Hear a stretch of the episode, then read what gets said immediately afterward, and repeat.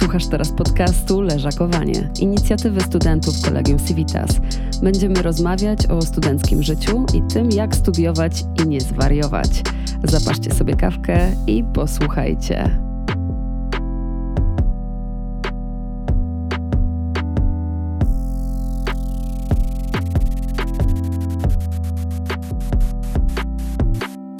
Odcinek powstał z pasji do jedzenia. Rozmawiają Monika Adamska i Jakub Wrubel. Kuba. Jesteś głodny? Chyba zawsze. Od 22 lat. Trzech. Od 23 lat. Od 23 lat jesteś głodny, to znaczy, że nie jesz? To znaczy, że jem i zawsze za rogiem jest coś, co, czego bym spróbował. Nie masz tak? No, ja właściwie to nie jestem głodna, bo staram się cały czas coś jeść. Nie jestem osobą, która się przejada. W ogóle nie lubię tego uczucia bycia przejedzoną, które właściwie kojarzy się głównie ze świętami e, i z sałatką jarzynową. Monika nie lubi świąt. No, święta są dla mnie specyficzne. Trochę je lubię, trochę ich nie lubię, ale przede wszystkim nie lubię uczucia przejedzenia, więc od wielu lat praktykuję taki trochę umiar ale bardzo lubię jeść rzeczy, które, które mi smakują, a smakuje mi bardzo dużo. Odkąd nie jem mięsa, a będzie to już jakieś 6 lat, to mam wrażenie, że czuję więcej smaków i tym jedzeniem się tak rozkoszuję. A ty przejadasz się? Faktycznie święta są takim czasem, kiedy pewnie zdarzyło mi się przejeść, ale nie, unikam tego. Też strasznie tego nie lubię. Wydaje mi się wtedy, że że omija mnie to takie czerpanie przyjemności z jedzenia i wchodzimy wtedy w taki jakiś, no nie wiem, ja bym to nazwał takim zwierzęcym instynktem, żeby jak, jak najwięcej tego zabrać, najwięcej energii z tego wyciągnąć. Ja jem dla siebie, dla takiej własnej przyjemności i, i, i w tym znajduję za, całą zabawę w ogóle odkrywania na przykład nowego jedzenia. Tak jak na początku też wspomniałem, ja pochodzę z Wałbrzycha, ale studiowałem we Wrocławiu i Warszawę wybrałem Między innymi dlatego, że we Wrocławiu wszędzie już jadłem. Kuba, dlaczego postanowiłeś studiować w Kolegium Civitas? Dlatego, że w Warszawie jest dużo fajnych knajp. Wie pan, jeszcze nie byłem w, ale nie, coś w tym jest. Myślę, że na początek musimy zaznaczyć, o czym jest ten odcinek. Chcemy porozmawiać o tym, jak jedzą studenci. Istnieje wiele mitów dotyczących studenckiego jedzenia. Wiadomo jest to, że dieta studencka będzie bardzo zależna od tego, na jakim jesteśmy etapie studiowania i jakie są warunki, w których się znajdujemy. No, mieszkając z rodzicami, możemy liczyć na regularne jedzonko. E, studenci zaoczni, którzy e, po prostu pracują zawodowo i są niezależni, no, będą jedli nazwijmy to normalnie. Oj, tak. Ale ci, którzy dopiero co wyfrunęli z gniazda, przenieśli się na studia do innego miasta, mieszkają w akademikach albo wynajmują pokój, mają specyficzną kulturę jedzenia. I tu przechodzimy do stereotypów, czyli takich e, jakby historii, mitów na temat tego, że student je tanie fast foody, gotowe dania z dyskontu, makarony i ziemniaki pod każdą postacią. E, Kuba, powiedz, co ty jadłeś na pierwszym roku studiów? Myślę, że na pierwszym roku studiów połowa jedzenia, jakie znałem, jakie widziałem na oczy, to było to, co przywiozłem z domu. Ja na uczelnię czy do Wrocławia z mojego miasta miałem godzinę, więc wracałem, myślę, stosunkowo często, przynajmniej właśnie w początkowych latach. To stanowiło taki świetny wstęp w sumie do tego, co było potem, bo przywoziłem to jedzenie, czyli tak naprawdę to, co moja mama, moi rodzice stwierdzili, że warto mi wysłać. I miałem przez to właśnie okazję, żeby poznać też że ja mogę wyjść z tym gdzieś dalej, że, ja, że nie tak jak w liceum, teraz możesz y, wykorzystać, że tak powiem, swoją niezależność i wyjść, spróbować nowych rzeczy. Myślę, że każde większe miasto, ale i też te mniejsze teraz w Polsce oferuje ci tyle możliwości spróbowania innych rzeczy, że ja byłem oszołomiony, że nagle mogę spróbować tego, tego, tego, tego. I tych opcji było tak wiele, że myślę, że ta proporcja 50 na 50 zaczęła się z czasem zmieniać i, i chyba coraz rzadziej decydowałem się na to jedzenie z domu, właśnie kosztem tego, że gdy jeszcze pracowałem właśnie chociażby podczas studiów, zacząłem to wykorzystywać, by próbować jeszcze innych rzeczy. I w sumie według mnie najciekawsze, wiele osób się pewnie ze mną tu nie zgodzi, ale najciekawsze jest to, kiedy coś jesz i ci to nie smakuje. Bo tak naprawdę wtedy coś odkrywasz, kiedy jesz. Jeśli dostajesz same dobre jedzenie, tylko smaki, które znasz, które, z którymi dorastałeś, albo które są tak, powiedzmy, społecznie akceptowalne, czyli nie wychodzą poza taki krąg rzeczy nawet nie bardziej egzotycznych w sensie tego, że pójdziesz do jakiejś bardziej wymyślnej restauracji, ale zdecydujesz się zamówić tą opcję z menu, na którą twoi znajomi zawsze patrzą z uniesionymi brwiami, to to jest, to jest jedzenie. A stać cię było na to, żeby chodzić do knajpy i zamawiać jedzenie? Jeśli nie na pokrycie kosztów y, wynajmu, to wszystko, co zarobiłem, trafiało na to, co jadłem. Ja też pracowałem w gastronomii wcześniej, przed, przed okresem studiów. Studiując i pracując w gastronomii, jednocześnie stwierdziłem, że, że to jest to, że każdy nowy smak, jaki ja poznam, to jest. Brzmi, brzmi bardzo wyniośle, ale to jest taka inwestycja w siebie. Nic cię, nic cię nie zdziwi, jak spróbujesz koniny. Mm, ojejku, proszę cię, nie ze mną te numery, Brunner. Mm, ja uważam, że jedzenie zwierząt jest nieetyczne. I dlatego właśnie rozmawiamy w dwójkę dzisiaj. I że zasadniczo mając to, co mamy teraz, e, dostęp do super jedzenia, super roślinnego jedzenia, możemy już absolutnie zrezygnować z, z tego, żeby dalej kontynuować cierpienie zwierząt. I to właściwie przede wszystkim jest mój argument, ale no nie o tym. Powiedziałeś, że przywoziłeś jedzenie z domu. Ja właśnie byłam bardzo zaskoczona, jak zaczęłam przyjeżdżać do Warszawy. Ja jestem spod Warszawy, nie, nie z, z daleka, bo z Brwinowa, czyli to jest niecałe 30 kilometrów odległości jak usłyszałam termin słoik. Na początku nie kojarzyło mi się to bardzo pejoratywnie, ale potem zauważyłam, że jednak to określenie to jest taka obelga w kierunku mhm. drugiego człowieka. I ukułam swój własny termin odnoszący się do mnie samej, czyli ja jestem termosem, bo mogłam jeszcze przywieźć ciepłe. nie spotkałem się z tym. Dobry, to jest dobry. No słuchaj, autorska myśl, termos. Także jeżeli jest ktoś z was pochodzi spod Warszawy i może sobie do Warszawki przywieźć jeszcze ciepłe, to, to jesteście w mojej paczce. Mamy tutaj od rodziców, czyli za darmo, i to jest super opcja, najlepsza chyba studencka opcja, mhm. ale później mamy ten próg wyżej, czyli łatwo, szybko i tanio. I to jest hasło, nad którym teraz się pochylmy. Czy łatwo, szybko i tanio to znaczy zdrowo i smacznie, według Ciebie? Myślę, że w wielu sytuacjach może tak być. I, i nie mam tu na myśli jedzenia tyle niezdrowego, fast foodów, tego typu opcji, ale spotkałem się ze zjawiskiem, które na przykład właśnie na pierwszym, a szczególnie drugim roku moich studiów wydało mi się opcją najlepszą. Możesz mnie wyprowadzić z błędu, ale są to tak zwane miejsca, w których możesz jedzenie dowolne z całego repertuaru wybrać, kupić je na wagę.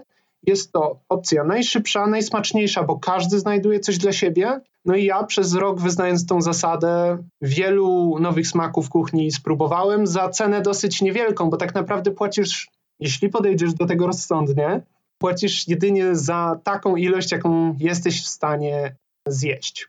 Można też w sklepach wielkopowierzchniowych kupować sobie jakieś właśnie makarony, sałatki, kotlety na wagę. E, jasne, to jest w ogóle świetne rozwiązanie. Szczególnie, że często w takich miejscach można sobie kupić e, super takie domowej roboty prawie, że jakieś, wiesz, leniwe krokiety, tego typu rzeczy. Tak, to prawda. I one są cenowo przystępne i bardzo blisko właśnie tej domowej kuchni o mamusi czy tam babci. No, dla mnie kuchnia mamusi czy babci to jest pewna, pewna już ściana. W sensie ja, ja nie jadłabym już jak moi rodzice. Wyobrażam sobie teraz jeść y, wiesz, schabowego albo mielonych, ale wyobrażam sobie jeść super, super kotlet z sejtana albo z boczniaka, albo z kani, albo e, z tofu, albo po prostu jakiś kotlet z ciecierzycy. Z, uwielbiam zamienniki, zamienniki mięsa typu Beyond Meat czy Linda McCartney. To prawda, tych opcji jest mnóstwo. Ja nie jestem osobą, która e, żywi się w fast foodach, ale raz na jakiś czas zdarza mi się Szczególnie jak jestem gdzieś na mieście i robię różne rzeczy, gdzieś tam jadę i nie mam czasu na to, żeby, żeby zjeść, a teraz wiadomo, że restauracje są pozamykane, e, nie można w nich usiąść, można wsiąść na wynos, więc postanowiłam wejść do Burger Kinga i zamówić sobie Rebel Whoopera. Rebel Whooper to jest po prostu sztos i marzę o takim dniu, kiedy, kiedy roślinne zamienniki będą w każdym fast foodzie i staną się standardem. I to już się dzieje. Wiemy, że McDonald's też podpisał e, umowę i niebawem pewnie na całym świecie będą wprowadzali do restauracji roślinne zamienniki mięsa. Staną się standardem. I to jest super trend, ja się tym jaram.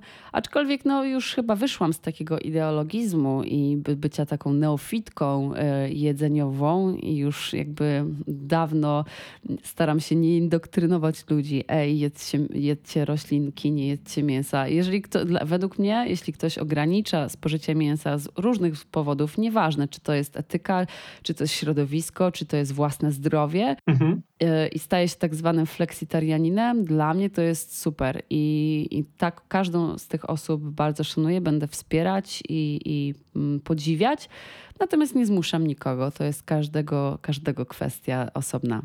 Jasne, ja się absolutnie zgodzę. Szczególnie, że ja na przykład chodząc właśnie do miejsc serwujących wyłącznie wegańskie, wegetariańskie dania, odkryłem, że może to być pyszne, że może to być na tyle ciekawe, że później próbujemy odtwarzać to w domu. Ja wracam i my, zastanawiam się, w jaki sposób właśnie przy użyciu produktów roślinnych można tak łatwo i skutecznie, jak sama powiedziałaś, odtworzyć smaki, które, no właśnie, do których chyba gdzieś przywykliśmy.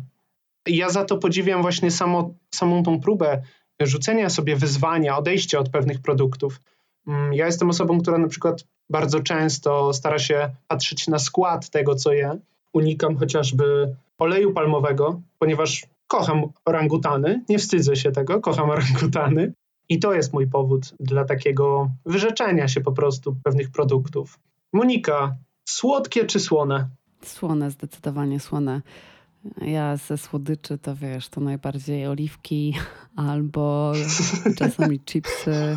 Nie, zdecydowanie słone. Mhm. Słodycze nigdy mnie nie rały jakoś bardzo. Moja ulubiona czekolada to była gorzka czekolada i do tej pory, do tej pory tak mam, że jak mnie najdzie czasami na czekoladę, na właśnie ten smak takiego gorzkiego kakao, to właśnie to jest ta mhm. powyżej 90%. Tak. I, I, to jest dla mnie coś super. To prawda. Mm, także, a ty lubisz słodycze? O, widzę, proszę bardzo, nie widzicie, 99%. 99% kakao, jak nawet sam producent informuje na opakowaniu. Ja zdecydowanie słone. Słodyczy tak naprawdę nie jem. Jeśli to właśnie w formie gorzkich czekolad, czy orzechów e, z jakimiś dodatkami, ale to też rzadziej. Powiem tak, smaki słodkie mi się przejadły w momencie, kiedy, kiedy przestałem tak naprawdę słodzić kawę. Jakoś tak poszło to przy okazji. Zrozumiałem, że kiedy będę słodzić kawę, tak naprawdę nigdy nie poczuję smaku tej kawy, jak dobra by nie była. A że robię sobie sam kawę zawsze w zaparzarce, to był to dla mnie rodzaj wyzwania, no i co? I tylko skorzystałem tak naprawdę. A z jakiej kawiarki korzystasz? Jest to kawiarka taka włoska, praska francuska? Kawiarka, tak, włoska. Właśnie wiele wyjazdów e, do Włoch nauczyło mnie, że jest to taka wartość życia, kiedy wypijesz dobrą kawę. To jest taki tak synonim, taka chwila. I właśnie przestałem słodzić kawę. Nagle poczułem, że kawa nie smakuje tylko cukrem i mlekiem. Naprawdę, uwierzcie mi, spróbujcie. Do tego trzeba chyba dorosnąć, wiesz? Ja, to, to, podobnie jak z winem wytrawnym. To prawda. W ogóle z czerwonym. Tak, myślę, że jak e, byłam młodsza, to zdecydowanie oliwki mm, i tego typu produkty nie do końca do mnie przemawiały, a im bardziej starsza się robiłam, tym, tym otwierałam się na takie smaki. To chyba też się wiąże z tym, że troszeczkę zmieniają się nasze kubki smakowe i ich wrażliwość. Mm, kiedy jesteśmy dziećmi, to, to te smaki bardziej są intensywniejsze dla nas i dlatego im bardziej intensywny smak, tym jest dla nas on gorszy a później z czasem widzimy trochę inne spektrum e, doświadczenia smaku. Nie samą pizzą człowiek żyje. Jakbyśmy mieli odżywiać się wyłącznie pizzą cały czas, to myślę, że bardzo szybko nabawilibyśmy się różnych chorób, niedoborów. Może przejdźmy właśnie do tematu dieta umysłu i co jeść, żeby lepiej ogarniać naukę, bo studenci no, są na takim etapie życia, kiedy rzeczywiście mają pochłaniać wiedzę, mają dużo rozumieć bardzo szybko, e, mają zaliczać e, egzaminy. No i kurde, co jeść, żeby, żeby pomóc sobie, żeby sprawić, żeby ten nasz mózg był bardziej produktywny. Światowa Organizacja Zdrowia w jednym z raportów stwierdziła, że spożywanie odpowiednich potraw może poprawić produktywność, umiejętność rozwiązywania problemów nawet o 20%. No więc korzystnie dla funkcjonowania mózgu wpływają według nich na przykład jagody, orzechy, gorzka czekolada, o której mówiliśmy, i brokuły. No, żaden z tych. Składników chyba zwykle na pizzy się nie znajduje. Natomiast niekorzystnie wpływają słodycze, o tym też rozmawialiśmy, energetyki, no i pomijanie posiłków, czyli e, też bardzo ważny punkt, żeby, żeby starać się odżywiać regularnie, żeby to nie było tak, że jedziemy tylko na jednym czy dwóch posiłkach w ciągu dnia, tylko żeby tych posiłków było więcej i były o mniej więcej stałej porze. Powiedz mi, ty, czy ty się odżywiałeś tak w trakcie studiów, że pamiętałeś o śniadańsku, pamiętałeś o obiadku, jakimś podwieczorku, kolacji? Bo ja, no w trakcie moich pierwszych studiów myślę, że żyłam strasznie tak e, chaotycznie i jadłam wtedy, kiedy przypomniało mi się, że. Znaczy, ja cały czas jadłam, ale jadłam, kiedy przypomniało mi się, że, że muszę to zrobić, ale to na pewno nie były stałe pory. No i wiesz, będąc w takim wieku, jeszcze młodej podlotki, no to właściwie nie zwraca się uwagi na swoje zdrowie totalnie, ale później e, jakby trochę się żałuje, że można było to ciałko dbać trochę lepiej. Teraz ja się odżywiam absolutnie według jakiegoś wewnętrznego zegarka. Wstaję rano, jest to wsianka. Też bardzo tanie, e, super danie, które polecam każdemu. Owsianeczka można ją zrobić. To jest, owsianka jest jak pizza. Owsiankę można zrobić na milion różnych sposobów. Można dodać do niej jakiejś konfitury, orzechów, jagód właśnie. E, można dodać do niej miodku, można dodać do niej um, jakiś um, otręb, siemienia lnianego, czy mówi się siemia. Można dodać do niej owoce e, różne, więc ona codziennie może smakować inaczej. O, widzę, że pokazujesz książkę tylko owsianka, a która jest bardzo gruba. Dokładnie. No właśnie o to chodzi. Potem jem sobie... Um, około 12-13 mm, e, coś na kształt, e, coś na kształt e, obiadku, a potem około 15-16 znowu mam jakąś przegryzkę, około 18 kolacyjka i czuję się po prostu cały czas doładowana energetycznie. Nie mam problemów ze spaniem, nie podjadam w nocy, nie mam ochoty na przekąski, nie mam ochoty na chipsy, no chyba, że jest impreza. I, i to jest myślę, że taka złota zasada, żeby pamiętać, żeby jeść przynajmniej żeby jeść często, ale tro, trochę, tak, żeby fajnie sobie to rozplanować. Co ty o tym sądzisz? Mnie w sumie studenckie życie nauczyło tego, że często nie śpisz regularnie. I w sumie w, w moim przypadku to najczęściej sprawiało, że ja jadłem nieregularnie. Ale myślę, że z czasem właśnie nauczyłem się, tak jak mówisz, nie tylko poprzez kupienie książki Tylko Owsianki, którą polecam, ale też na takiej determinacji, żeby właśnie to zmienić, bo tak naprawdę im lepiej jesz i tym, im lepiej śpisz, tym lepiej studiujesz według mnie.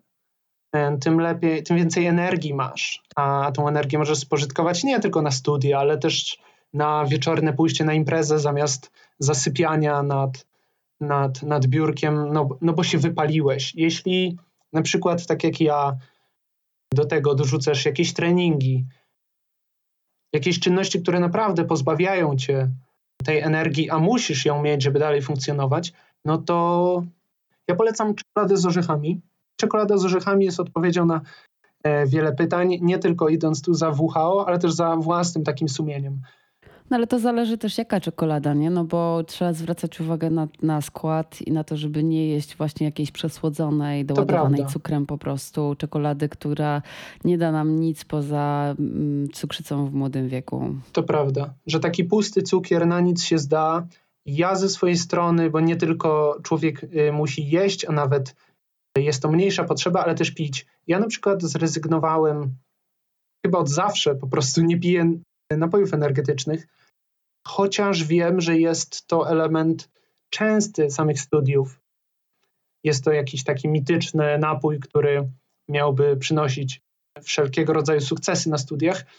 Mnie doświadczenie nauczyło, że on tak naprawdę nie sprawia, że jesteś pobudzony w dłuższym okresie czasu, tylko dostajesz tą, tą ilość cukru e, przeznaczoną dla całej rodziny. I tak naprawdę kończy się ta energia gdzieś tam po, po, po dosyć krótkim czasie. Więc takie zasładzanie moim zdaniem jest bezcelowe. Jedzenie rzeczy, które lubisz przede wszystkim, ale w zdrowych proporcjach. To znaczy właśnie pięć posiłków na przykład zamiast trzech, ale takich, gdzie się przejadasz, o czym już mówiliśmy. Ja uwielbiam jeść i, i rzadko znajduję się w sytuacji, kiedy nie miałbym ochoty czegoś zjeść, więc, więc tworzenie sobie takich nawyków, o właśnie, tak jak powiedziałaś, takich zdrowych nawyków po prostu żywieniowych, które jednocześnie no, też nie powinny być z kosmosu, bo spotkałem się też z sytuacją, w której narzucamy sobie warunki, na, na jakich mamy działać, ale nie jesteśmy ich w stanie później spełnić, bo mówimy sobie, że będziemy jeść tyle, tyle i tyle. E, rozpiso, e, rozpisujemy sobie to. No i tu to się kończy w sumie, bo nie jesteśmy w stanie nadążyć też za tym tempem, jakie sobie wyznaczyliśmy. E, więc takie zdrowe nawyki żywieniowe są najlepsze, rzeczy smaczne dla nas, a nie ogólnie nie wrzucajmy w siebie rzeczy, które ktoś nam mówi, że powinniśmy jeść, jeśli one tak naprawdę przychodzą nam z trudem, bo wtedy tylko wykształcimy w sobie taki nawyk do, mm, do odrzucania tego typu jedzenia. Zniechęcimy się. Ja myślę, że możemy potraktować swoją dietę w trakcie studiów trochę jak taki projekt yy, i to jest dobry pomysł, żeby rozpisać sobie to gdzieś nawet w jakimś głupim Excelu albo, albo na kartce i czy jakimś innym programie, jaki lubicie, e, pomyśleć nad tym, jakie rzeczy są w składzie produktów, które gdzieś tam ujęliśmy, żeby ta dieta nasza była w miarę zróżnicowana. No i też zbieżna z, nam, z naszym portfelem. A to nie jest takie trudne, jak się wydaje. E, myślę, że znajdziemy tam miejsce też i na to, żeby, żeby starczyło na jakiś dobry alkohol, i na to, żeby starczyło na imprezę, i na to, żeby raz na jakiś czas starczyło na to, żeby wyjść do knajpy, jak już będziemy mogli wszyscy do nich chodzić normalnie. Także to jest świetny pomysł i najważniejsza z tych rzeczy to jest, niech ta dieta będzie różnorodna. A jakbym miała wymienić w mojej ocenie takie top 3 tego, co jedzą studenci, to myślę, że byłoby to spaghetti, kebab slash falafel oraz zupki chińskie. Mocna lista. Temat zło. Miałam pewien okres w życiu, kiedy się od nich chyba uzależniłam. Nie wiem, co oni ładują do tych zupek chińskich, że one działają w ten sposób, ale myślę, że coś na pewno. Soda chyba, jak to się nazywa? To pewnie, pewnie ty, Kuba, będziesz pamiętał zupki chińskie e, no, są chyba najtańszą opcją na to, żeby się najeść, ale czy to jedzenie ma dla naszego organizmu jakąś większą wartość? Nie sądzę. E, więc e, ja bym osobiście przestrzegała przed nadmiernym spożywaniem zupek chińskich. Oczywiście raz na jakiś czas myślę, że spoko, szczególnie jak jesteśmy w jakimś trudnym momencie ekonomicznie i się tam nie spina, ale też można pójść wtedy do y, baru mlecznego i za no może dwa złote więcej zjeść dobrą zupkę. Um, także to jest moja opinia na temat zupek chińskich. Kuba, twoje trzy najbardziej, myślę, popularne wśród studentów potrawy to? Ja się chciałem na początku zgodzić z tym, co ty zaproponowałaś. Potem do mnie dotarło, Monika, studenci jedzą bardzo dużo kurczaka z ryżem. Studenci jedzą dużo kebabów. Fakt. Studenci jedzą bardzo dużo kurczaka z ryżem. Fakt. I studenci jedzą bardzo dużo, albo za dużo, powiedzmy tak, zupek chińskich. Mm, no i mamy, jedna rzecz wypada z tej listy, mm, ale myślę, że trzy to jest za mało. Myślę, że to jest w sumie krzywdzące, bo właśnie, bo, bo gdzie. Pierogi. Pierogi posiłki od mamy, jako, jako człon w ogóle, jako, jako zjawisko. Oj, no ale jak wiesz, jak masz sytuację, że student się przeprowadził do e, Warszawy, to tak naprawdę nie przywozi ze sobą aż tyle, żeby, żeby rzeczywiście ta lodówka była pełna e, tak. jedzeniem od mamy, czy taty, czy babci na cały czas. To prawda. Myślę, że też tam dużo robią te dania gotowe z, z właśnie dyskontów, e, wspomniane pierogi, ale także hamburgery wszelkiego typu gotowe, takie już, że można tylko do mikrofalówki i wola gotowe. E, kurczak z ryżem, myślę, że tak, chociaż dla mnie to wiesz, smuteczek. szczególnie, no tak, że, no tak. szczególnie, że najczęściej te kurczaki to są kurczaki z hodowli przemysłowych, które żyją 6 tygodni i to jest nie mówmy o tym. Nie, absolutnie zgadzam się. Ale tak, myślę, że masz rację. E, jeszcze, jeszcze by coś się znalazło.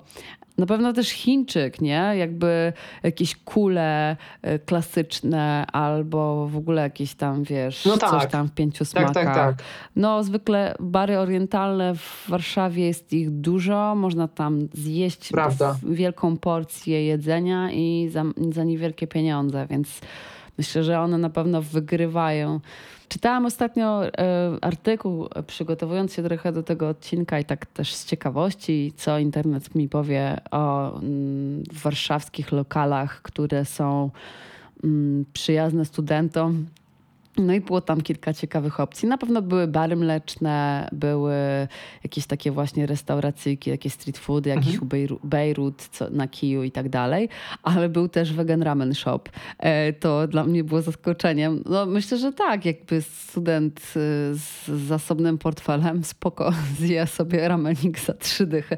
Czy ja bardzo lubię vegan ramen shop i polecam każdemu, bo to jest jeden z, to chyba najlepszy ramen na świecie. Zresztą pozdrawiam z tego miejsca Basię, e, współwłaścicielkę e, sieci już Vegan Ramen Shopów, moją serdeczną koleżankę, ale no nie wiem, czy to jest na studencką kieszeń. Natomiast jeżeli mamy tu tutaj studenta dobrze zarabiającego, który jest akurat w Warszawie, to polecam wybrać się do jednej z trzech e, lokalizacji i zamówić sobie, albo zamówić sobie jedzonko na wynos. I co jeszcze tam było ujęte? No już chyba tyle, ale generalnie nie, nie, ma takiego typowo chyba studenckiego miejsca, takiego, że wiesz, że szyld jest student friendly, chodź, zapłać mało i zjedz dobrze. Może to, może ja takiego miejsca nie znam. Jeżeli wy znacie, to napiszcie do mnie i do nas. E, pamiętajcie, przypominamy mail leżakowanie.podcast małpa gmail.com. Sprawdzasz skrzynkę? Właśnie sprawdzam skrzynkę. A jeśli chcecie poznać takie miejsce we Wrocławiu, bo akurat przejeżdżacie, lub jesteście z innego miasta i chcecie pomóc innym studentom, e, to, to podawajcie takie miejsca. Ja polecam Bar Miś, w którym wiele razy siedziałem i myślę, że jest we Wrocławiu bardzo dobrze znany. E, zjadłem pełny posiłek za cenę 5,45 wow. E, z zupą drugim i deserem, więc no, jak człowiek chce, to naprawdę się da i wierzę, że w Warszawie, jeśli nie istnieje, to powstanie takie miejsce, bo właśnie myślę, że ta różnorodność sprawia, że jesteśmy studentami, a idąc tym tropem, ja myślę, że nie wszyscy, którzy nas słuchają, utożsamiają się właśnie z, z tym domowym jedzeniem, bo, no bo przecież jest tylu studentów z zagranicy, którzy, dla których, no wiesz, jakby domowe jedzenie może być wszystkim tym, co my uznajemy za, za, za tą egzotykę. I ciekawi mnie, bardzo chętnie bym się dowiedział, mm, jakich produktów na przykład, za jakimi produktami oni tęsknią. Y, jakich produktów, kiedy, jeśli są w Polsce, jeśli studiują w Polsce i są na miejscu, to, to czego szukają w sklepach? Najgorzej, bo pewnie dostają to tylko w tych sklepach, wiesz, y, żywność całego świata albo jakaś inna organiczna Dokładnie. żywność i za paczuszkę jakiegoś tam czegoś muszą zapłacić nie wiadomo ile. I łapią I to jest, się za głowę, To jest tak. przerażające. Ale myślę, że wiesz, że polska kuchnia jest taka dosyć chyba przyswajalna. Oczywiście może poza takimi um, rzeczami jak ogórki kiszone czy, czy tego typu wymysłami, ale reszta myślę, że jest taka, że każdemu chyba może podpasować. W sumie ciekawa jestem, trzeba by było zrobić taki mały sondaż, co studenci z, studiujący w Kolegium Civitas na przykład, y, którzy pochodzą z różnych krajów na świecie, e, sądzą na temat polskiej kuchni, czy ona im pasuje, czy nie. No to jest ciekawy temat. Na pewno większość uczelni, jak y, działa normalnie, w normalnym trybie studiowania, no to ma jakieś tam swoje stołówki albo miejsca, w których można się dobrze i niedrogo zjeść. W Kolegium Civitas w sumie nie ma takiej stołówki, stołówki, ale na, w Pałacu Kultury jest tam taki barek y, na, na dole. W mojej ocenie nie jest tam zbyt smaczne jedzenie, a też nie jest w dobrych cenach, bo jest to Pałac Kultury chyba jakoś tak, wiesz, po królewsku ceny podają. Mhm. Ale no cóż, czasami jak nie ma czasu, albo nie, nie, nie ma kasy na to, żeby polecieć do kulturalnej czy baru studio, zjeść pysznie. Chociaż w barze studio też można zjeść dobrze za, za niewielkie pieniądze. Myślę, że taką listę moglibyśmy kiedyś stworzyć. W ogóle studenci to raczej są sprytni. Ja myślę, że my też nie musimy w tym odcinku robić jakiegoś nie wiadomo poradnika, jak przetrwać yy, i przeżyć. Yy, bo, bo studenci sobie świetnie radzą. Myślę, że to też jest taki etap e, życia, w którym człowiek właśnie zaczyna uczyć się tej takiej organizacji. To są te, te, te umiejętności miękkie, które się później przydają, wiesz, w pracy zawodowej. Dokładnie. Dokładnie. Ktoś nas teraz słucha, jedząc posiłek, o którym my w ogóle nie pomyśleliśmy, który zrobił za kwotę, której byś sobie nie wyobraziła i śmieje nam się w twarz, mówiąc, no widzicie, ja myślę, że nasze spotkanie to jest po prostu, wiesz, pogawędka znajomych z uczelni na temat jedzonka, tego, co lubimy, tego, czego nie lubimy. Tak, to prawda. A powiedz, Kuba, lubisz kolendrę? Ja bardzo lubię kolendrę. Ach, nienawidzę. Po prostu smakuje mi jak mydło. Pamiętam, jakby to było dziś, kiedy pierwszy raz zamówiłam sobie zupę pho w takiej wegańskiej, e, chińskiej knajpie na Chmielnej. I odebrałam tę zupkę, taka szczęśliwa. To było chyba moje pierwsze fo w życiu. I poszłam ją zjeść w moim ulubionym pubie e, w pawilonach Nowy Świat. Wzięłam pierwszą łyżkę, siorbnęłam sobie i nagle uderzył mnie smak płynu do mycia naczyń. Myślałam, że ktoś się pomylił i wlał tam po prostu płyn do mycia naczyń. Po czym moja koleżanka wzięła łyżkę, nabrała sobie solidną porcję, e, spróbowała i powiedziała, kurde, jakie dobre. I kolejny raz ten rozstrzał. No, myślę, że to, to, ta kolendra to jest coś niesamowitego. Ja do tej pory raz na jakiś czas próbuję, żeby sobie mhm. przypomnieć albo żeby sprawdzić, czy mi się coś nie zmieniło. Mhm.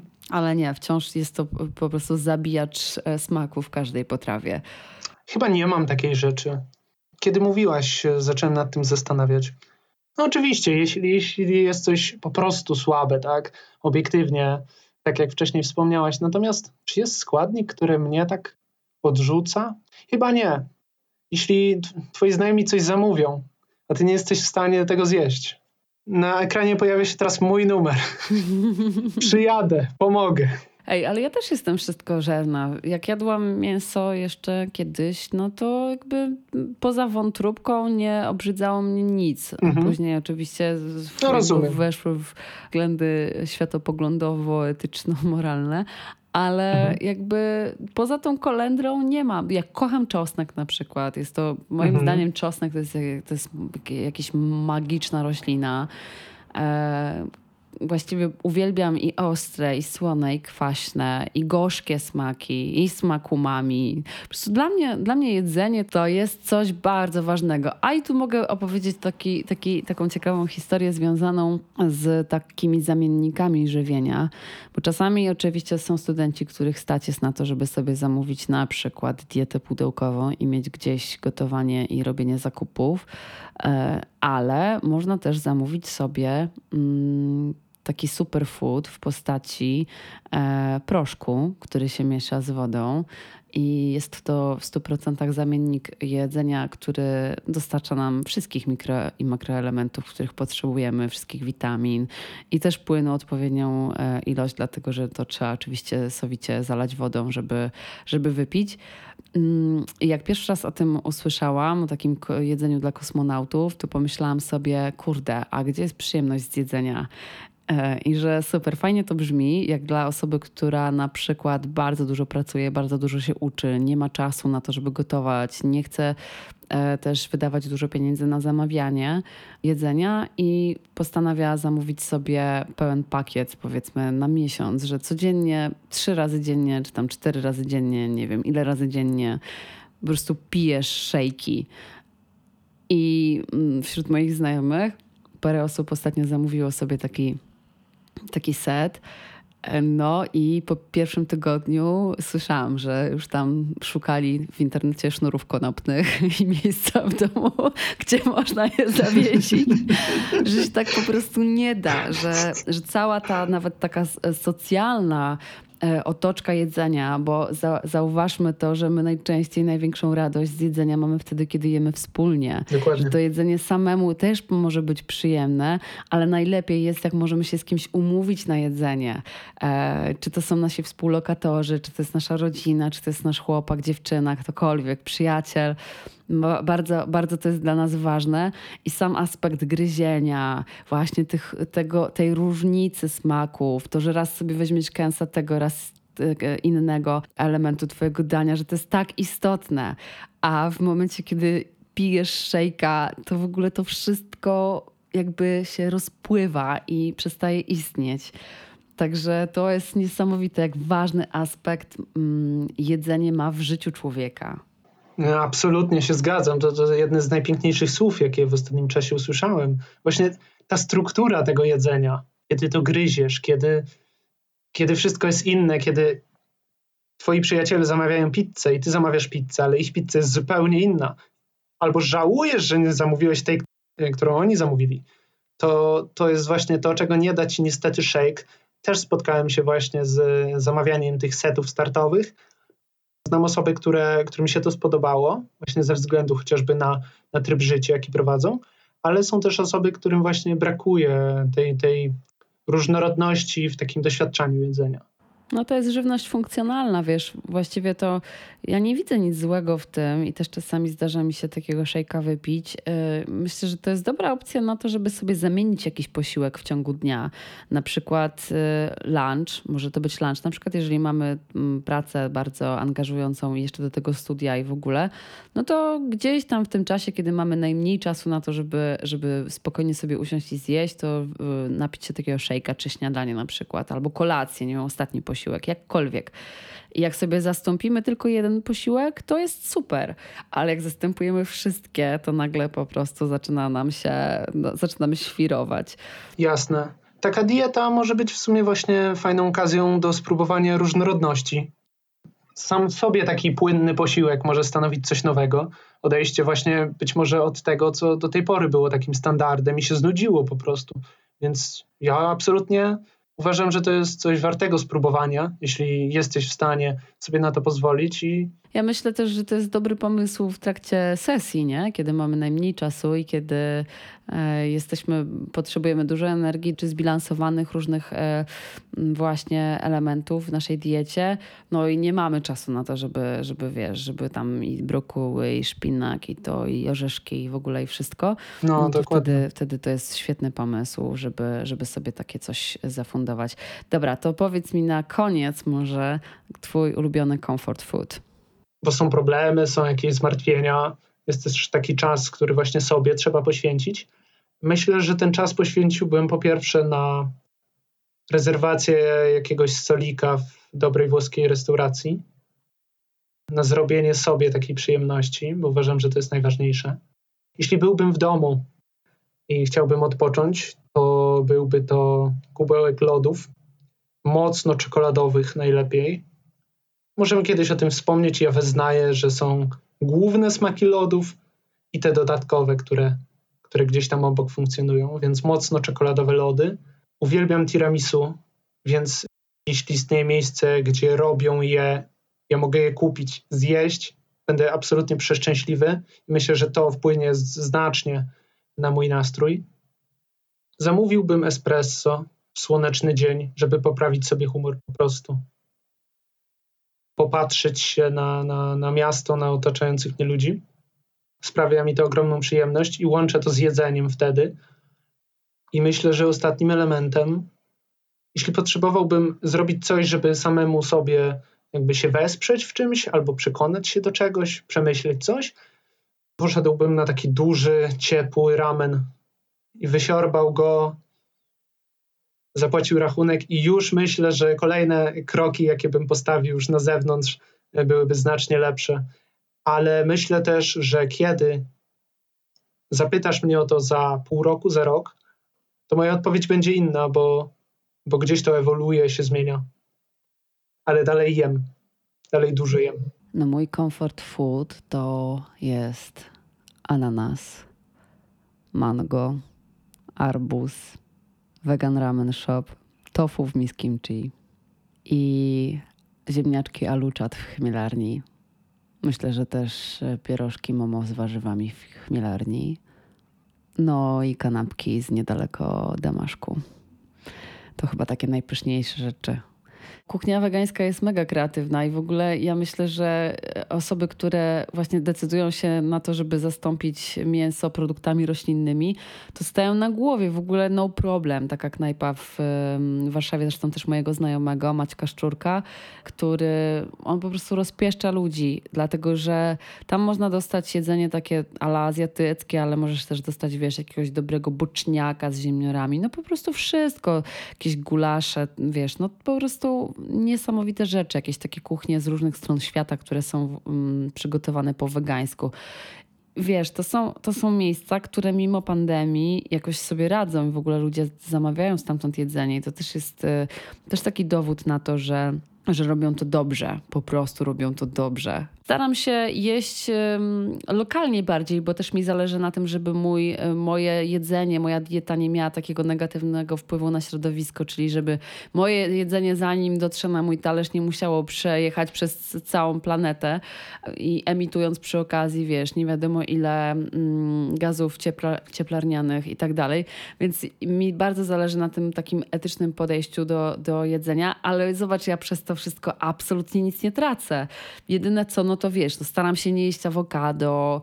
E, no jak już tam jestem gdzieś na, wiesz, na mieście czy coś i gdzieś tam w daniu będzie awokado, no to nie powiem, ej nie, po prostu wyjmijcie albo cokolwiek. No ale, więc zjem, ale sama awokado nie kupuję, no bo mm, wiem jak, jak, jakie się historie za tym kryją, więc to jest też dla mnie istotne.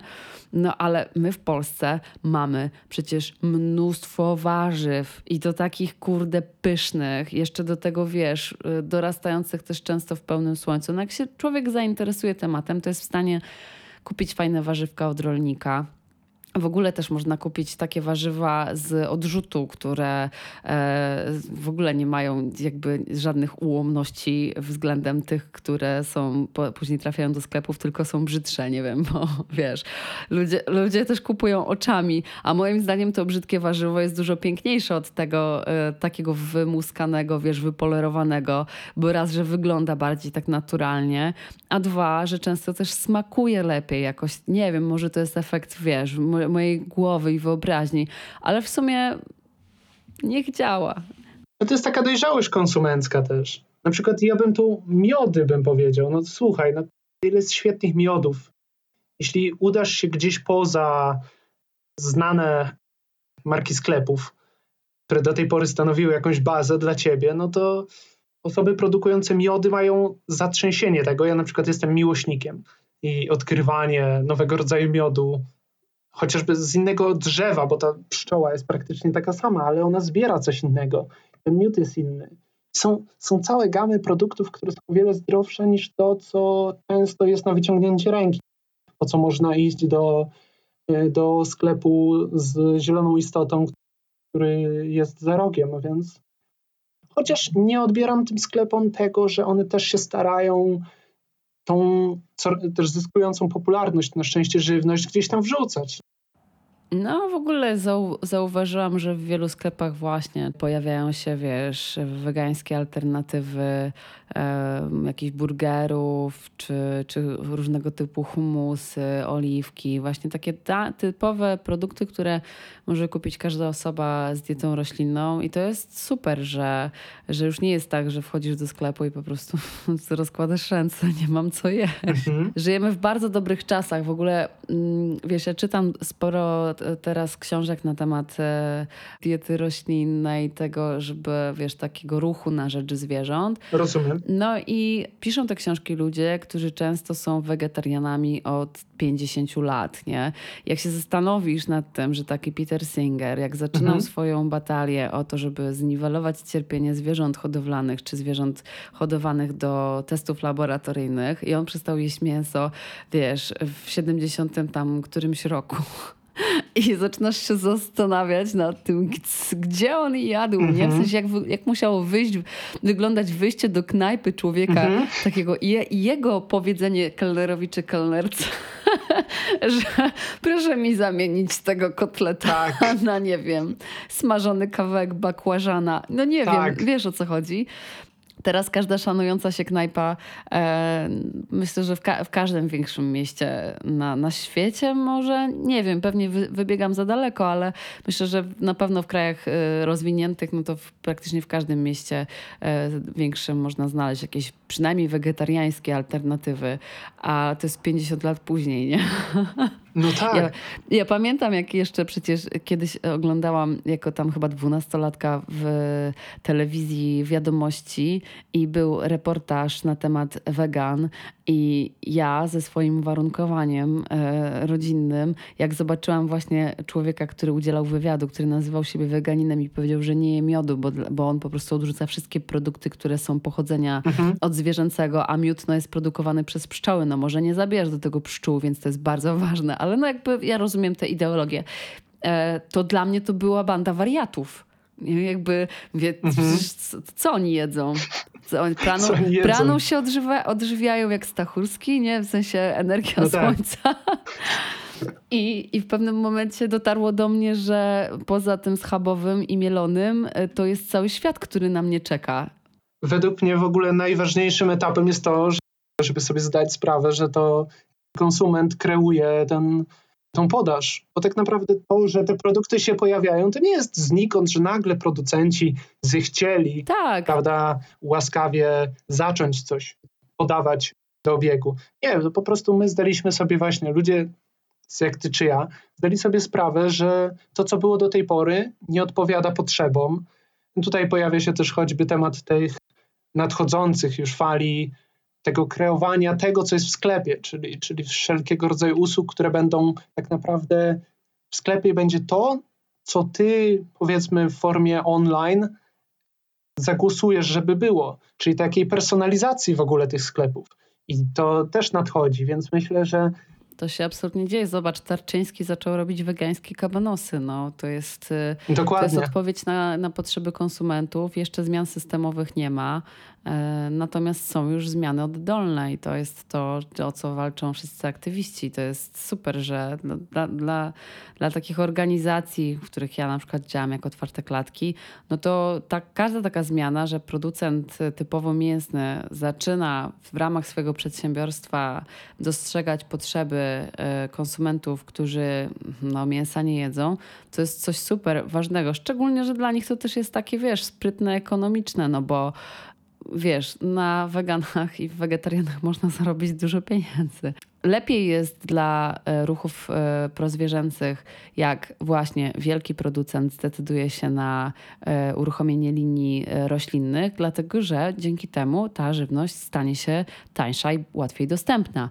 No bo wiesz, słabo jak jest, jak chcesz przejść na weganizm i wiesz, masz do wyboru parówki odzwierzęce, które kosztują tam, nie wiem, 5, 5 czy 6 złotych, a mm, parówki sojowe czy, czy, czy z jakiegoś tam z, z roślin, które kosztują 12, nie? no to wybór jest jasny. Dokładnie. Moja koleżanka kiedyś w jednej z rozmów powiedziała mi, że ona mm, wyżej ceni swoje człowieczeństwo czy swoją, swoje poczucie moralności nad swoje kubeczki smakowe.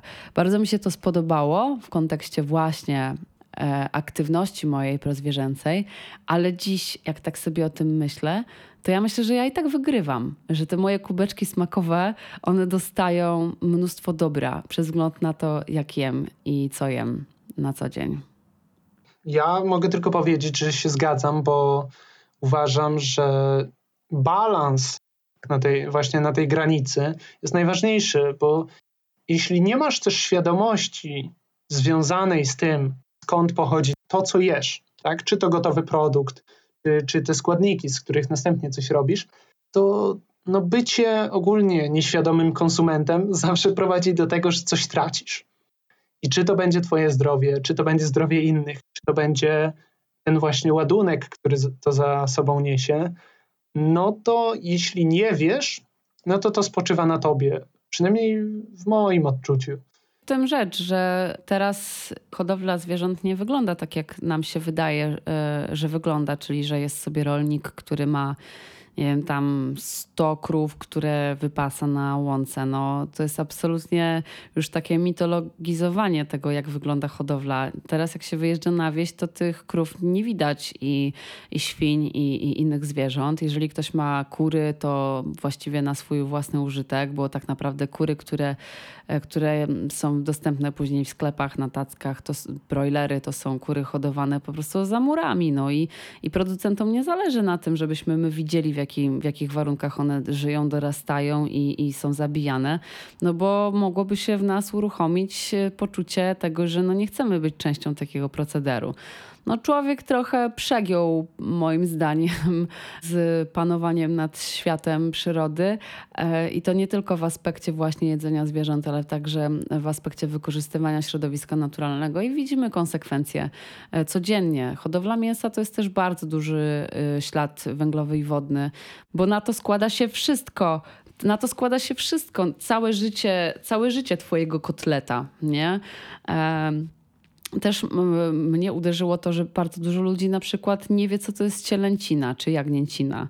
Że, nie wiem, wydaje się ludziom często, że to jest jakiś specyficznie hodowany rodzaj e, krów, które są, nie wiem, jakoś tam głaskane i tak dalej. A to są po prostu krow, krowie dzieci, które są niedożywione, bo im się nie daje e, żelaza. Mało tego, trzyma się je w zamknięciu w takich ciasnych drewnianych boksach, żeby one absolutnie nie przyswajały tego żelaza, bo cielęcina ma mieć jasne mięso. No i wiesz, no i to jest po prostu jakiś absurd nad absurdy, że, że ludzie myślą w, w, tak samo jak kiedyś miałam do czynienia z historią dotyczącą futer naturalnych.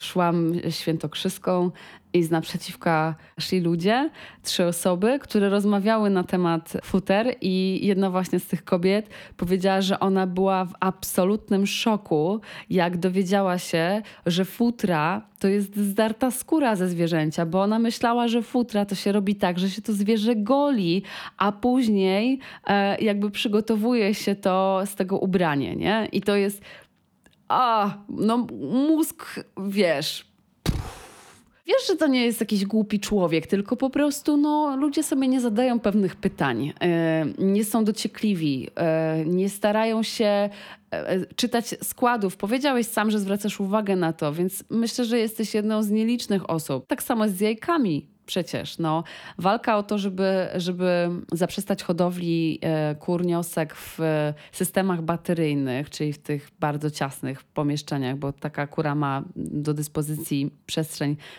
kartki A4, i to, I to jest w ogóle jakaś katastrofa, że, że, że dalej takie jajka są dostępne. No ale wiesz, jak się zaczniesz zastanawiać nad tym, to pewnie ta cena, cena, cena. Chociaż już to się zmienia, bo z jednym, w jednych z ostatnich raportów, które były przedstawione, te właśnie też przygotowane przez otwarte klatki, tam było wykonane badanie konsumenckie i konsumenci byli zapytani wprost, czy są skłonni zapłacić więcej za jajka, jeśli będą mieli świadomość, że te, że te kury, one one mogły żyć na wolnym wybiegu, czyli jakby realizować swoje naturalne jakieś tam instynkty, potrzeby, e, no to konsumenci powiedzieli, że tak. Że jak najbardziej są skłonni zapłacić więcej. Więc y, myślę, że to jest taki milowy krok i już niedługo te, te jajka trójki zostaną wycofane. W, na, w części krajów na świecie są już zakazane, więc to, to jest coś. Poza tym to też jest dla naszego zdrowia. No, wtedy masz świadomość, że nie jesz stresu, nie? że to, co jesz, to jest coś, y, coś zdrowszego dla ciebie. Co pozytywnie też na ciebie wpłynie. No ja się zgadzam z tym, co powiedziałaś. Myślę też, że no, szczególnie w tych czasach, po co żyć w bańce, prawda? Nie żyjesz w klatce, więc po co żyć w bańce, że, że te zwierzęta, które jesz, w tych klatkach nie siedzą.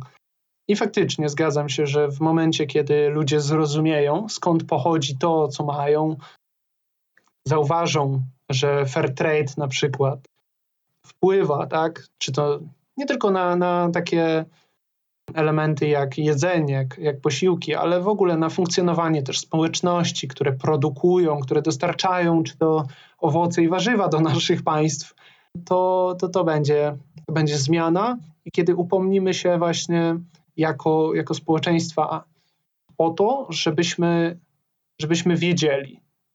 Ale, ale to jest chyba ogólnie jakiś taki manifest pewnych oczekiwań względem właśnie rządzących, ale też świata, który, no nie wiem, ja chciałbym nadal idąc polem widzieć pszczołę. Nie, no jasne, właśnie o to chodzi, żebyś, żebyś no nie wiem, czy pszczołę zobaczysz, no ale no może tam jakaś cię na tobie usiądzie przypadkiem, ale myślę, że tak, że fajnie by było, gdyby, gdyby te zwierzęta mogły no, żyć bez cierpienia. To jest pierwsza i podstawowa rzecz, żebyśmy, jak już musimy, chociaż ja uważam, że nie, ale jeżeli są tacy, którzy uważają, że tak, że musimy je jeść, no to żeby przynajmniej o nie zadbać na etapie ich życia. I to jest, to jest coś, o co, o co będę cały czas tak naprawdę gdzieś tam się starać i mm, wykonywać swoje działania. I, jakie, I takie też będę mm, dawać świadectwo, no bo wiesz, jem od wielu lat roślinnie, czuję się dobrze, mam świetne wyniki badań. E, znam ludzi, którzy mm, też są wegetarianami, weganami od wielu lat. Znam dzieci, które są chowane wyłącznie na roślinkach od, w sensie od okresu prenatalnego. E, I jakby są super zdrowe i mają też, no, są pod stałą opieką lekarską, ale lekarz nie jest absolutnie zaniepokojony, bo wyniki badań są świetne. I to jest to, no, człowiek na tym etapie już tych, tak jak mówiłeś, że masz nietolerancję laktozy. No. dorosły człowiek nie potrzebuje laktozy. Laktozę e, dostawałeś w momencie, kiedy, e, wiesz, ssałeś cycuniania i, i, i, tyle. Jak, jak już na pewnym etapie już się nie potrzebuje. Sery też y, można robić i z ziemniaka, i z, wiesz, z mleka migdałowego i tak dalej czy napój y, migdałowy, ryżowy, sojowy. No to same pyszności przecież, kokosowy. No przecież ojejku. I z tego, z tego można robić tak pyszne przetwory. Ach. Także ja, ja tutaj dzisiaj chyba mam jakąś taką misję.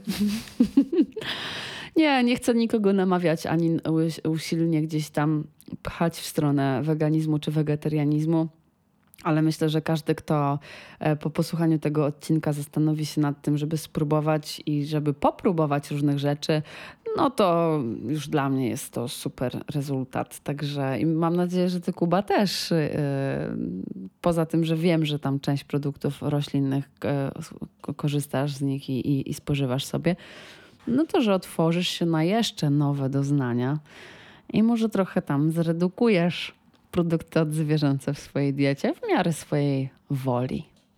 Powiem tak, do słuchających, ja być może faktycznie nie jestem zbawiony po tym odcinku, ale tak jak do tej pory brałem to pod uwagę, na pewno wezmę to pod uwagę. To, co robisz z tym, co ci otacza, pokazuje, jaki masz do tego stosunek, czy, czy masz szacunek do tego, co ci otacza, więc więc dzięki że, dzięki, że miałem okazję w ogóle na ten temat porozmawiać, bo myślę, że takich rozmów powinno być więcej.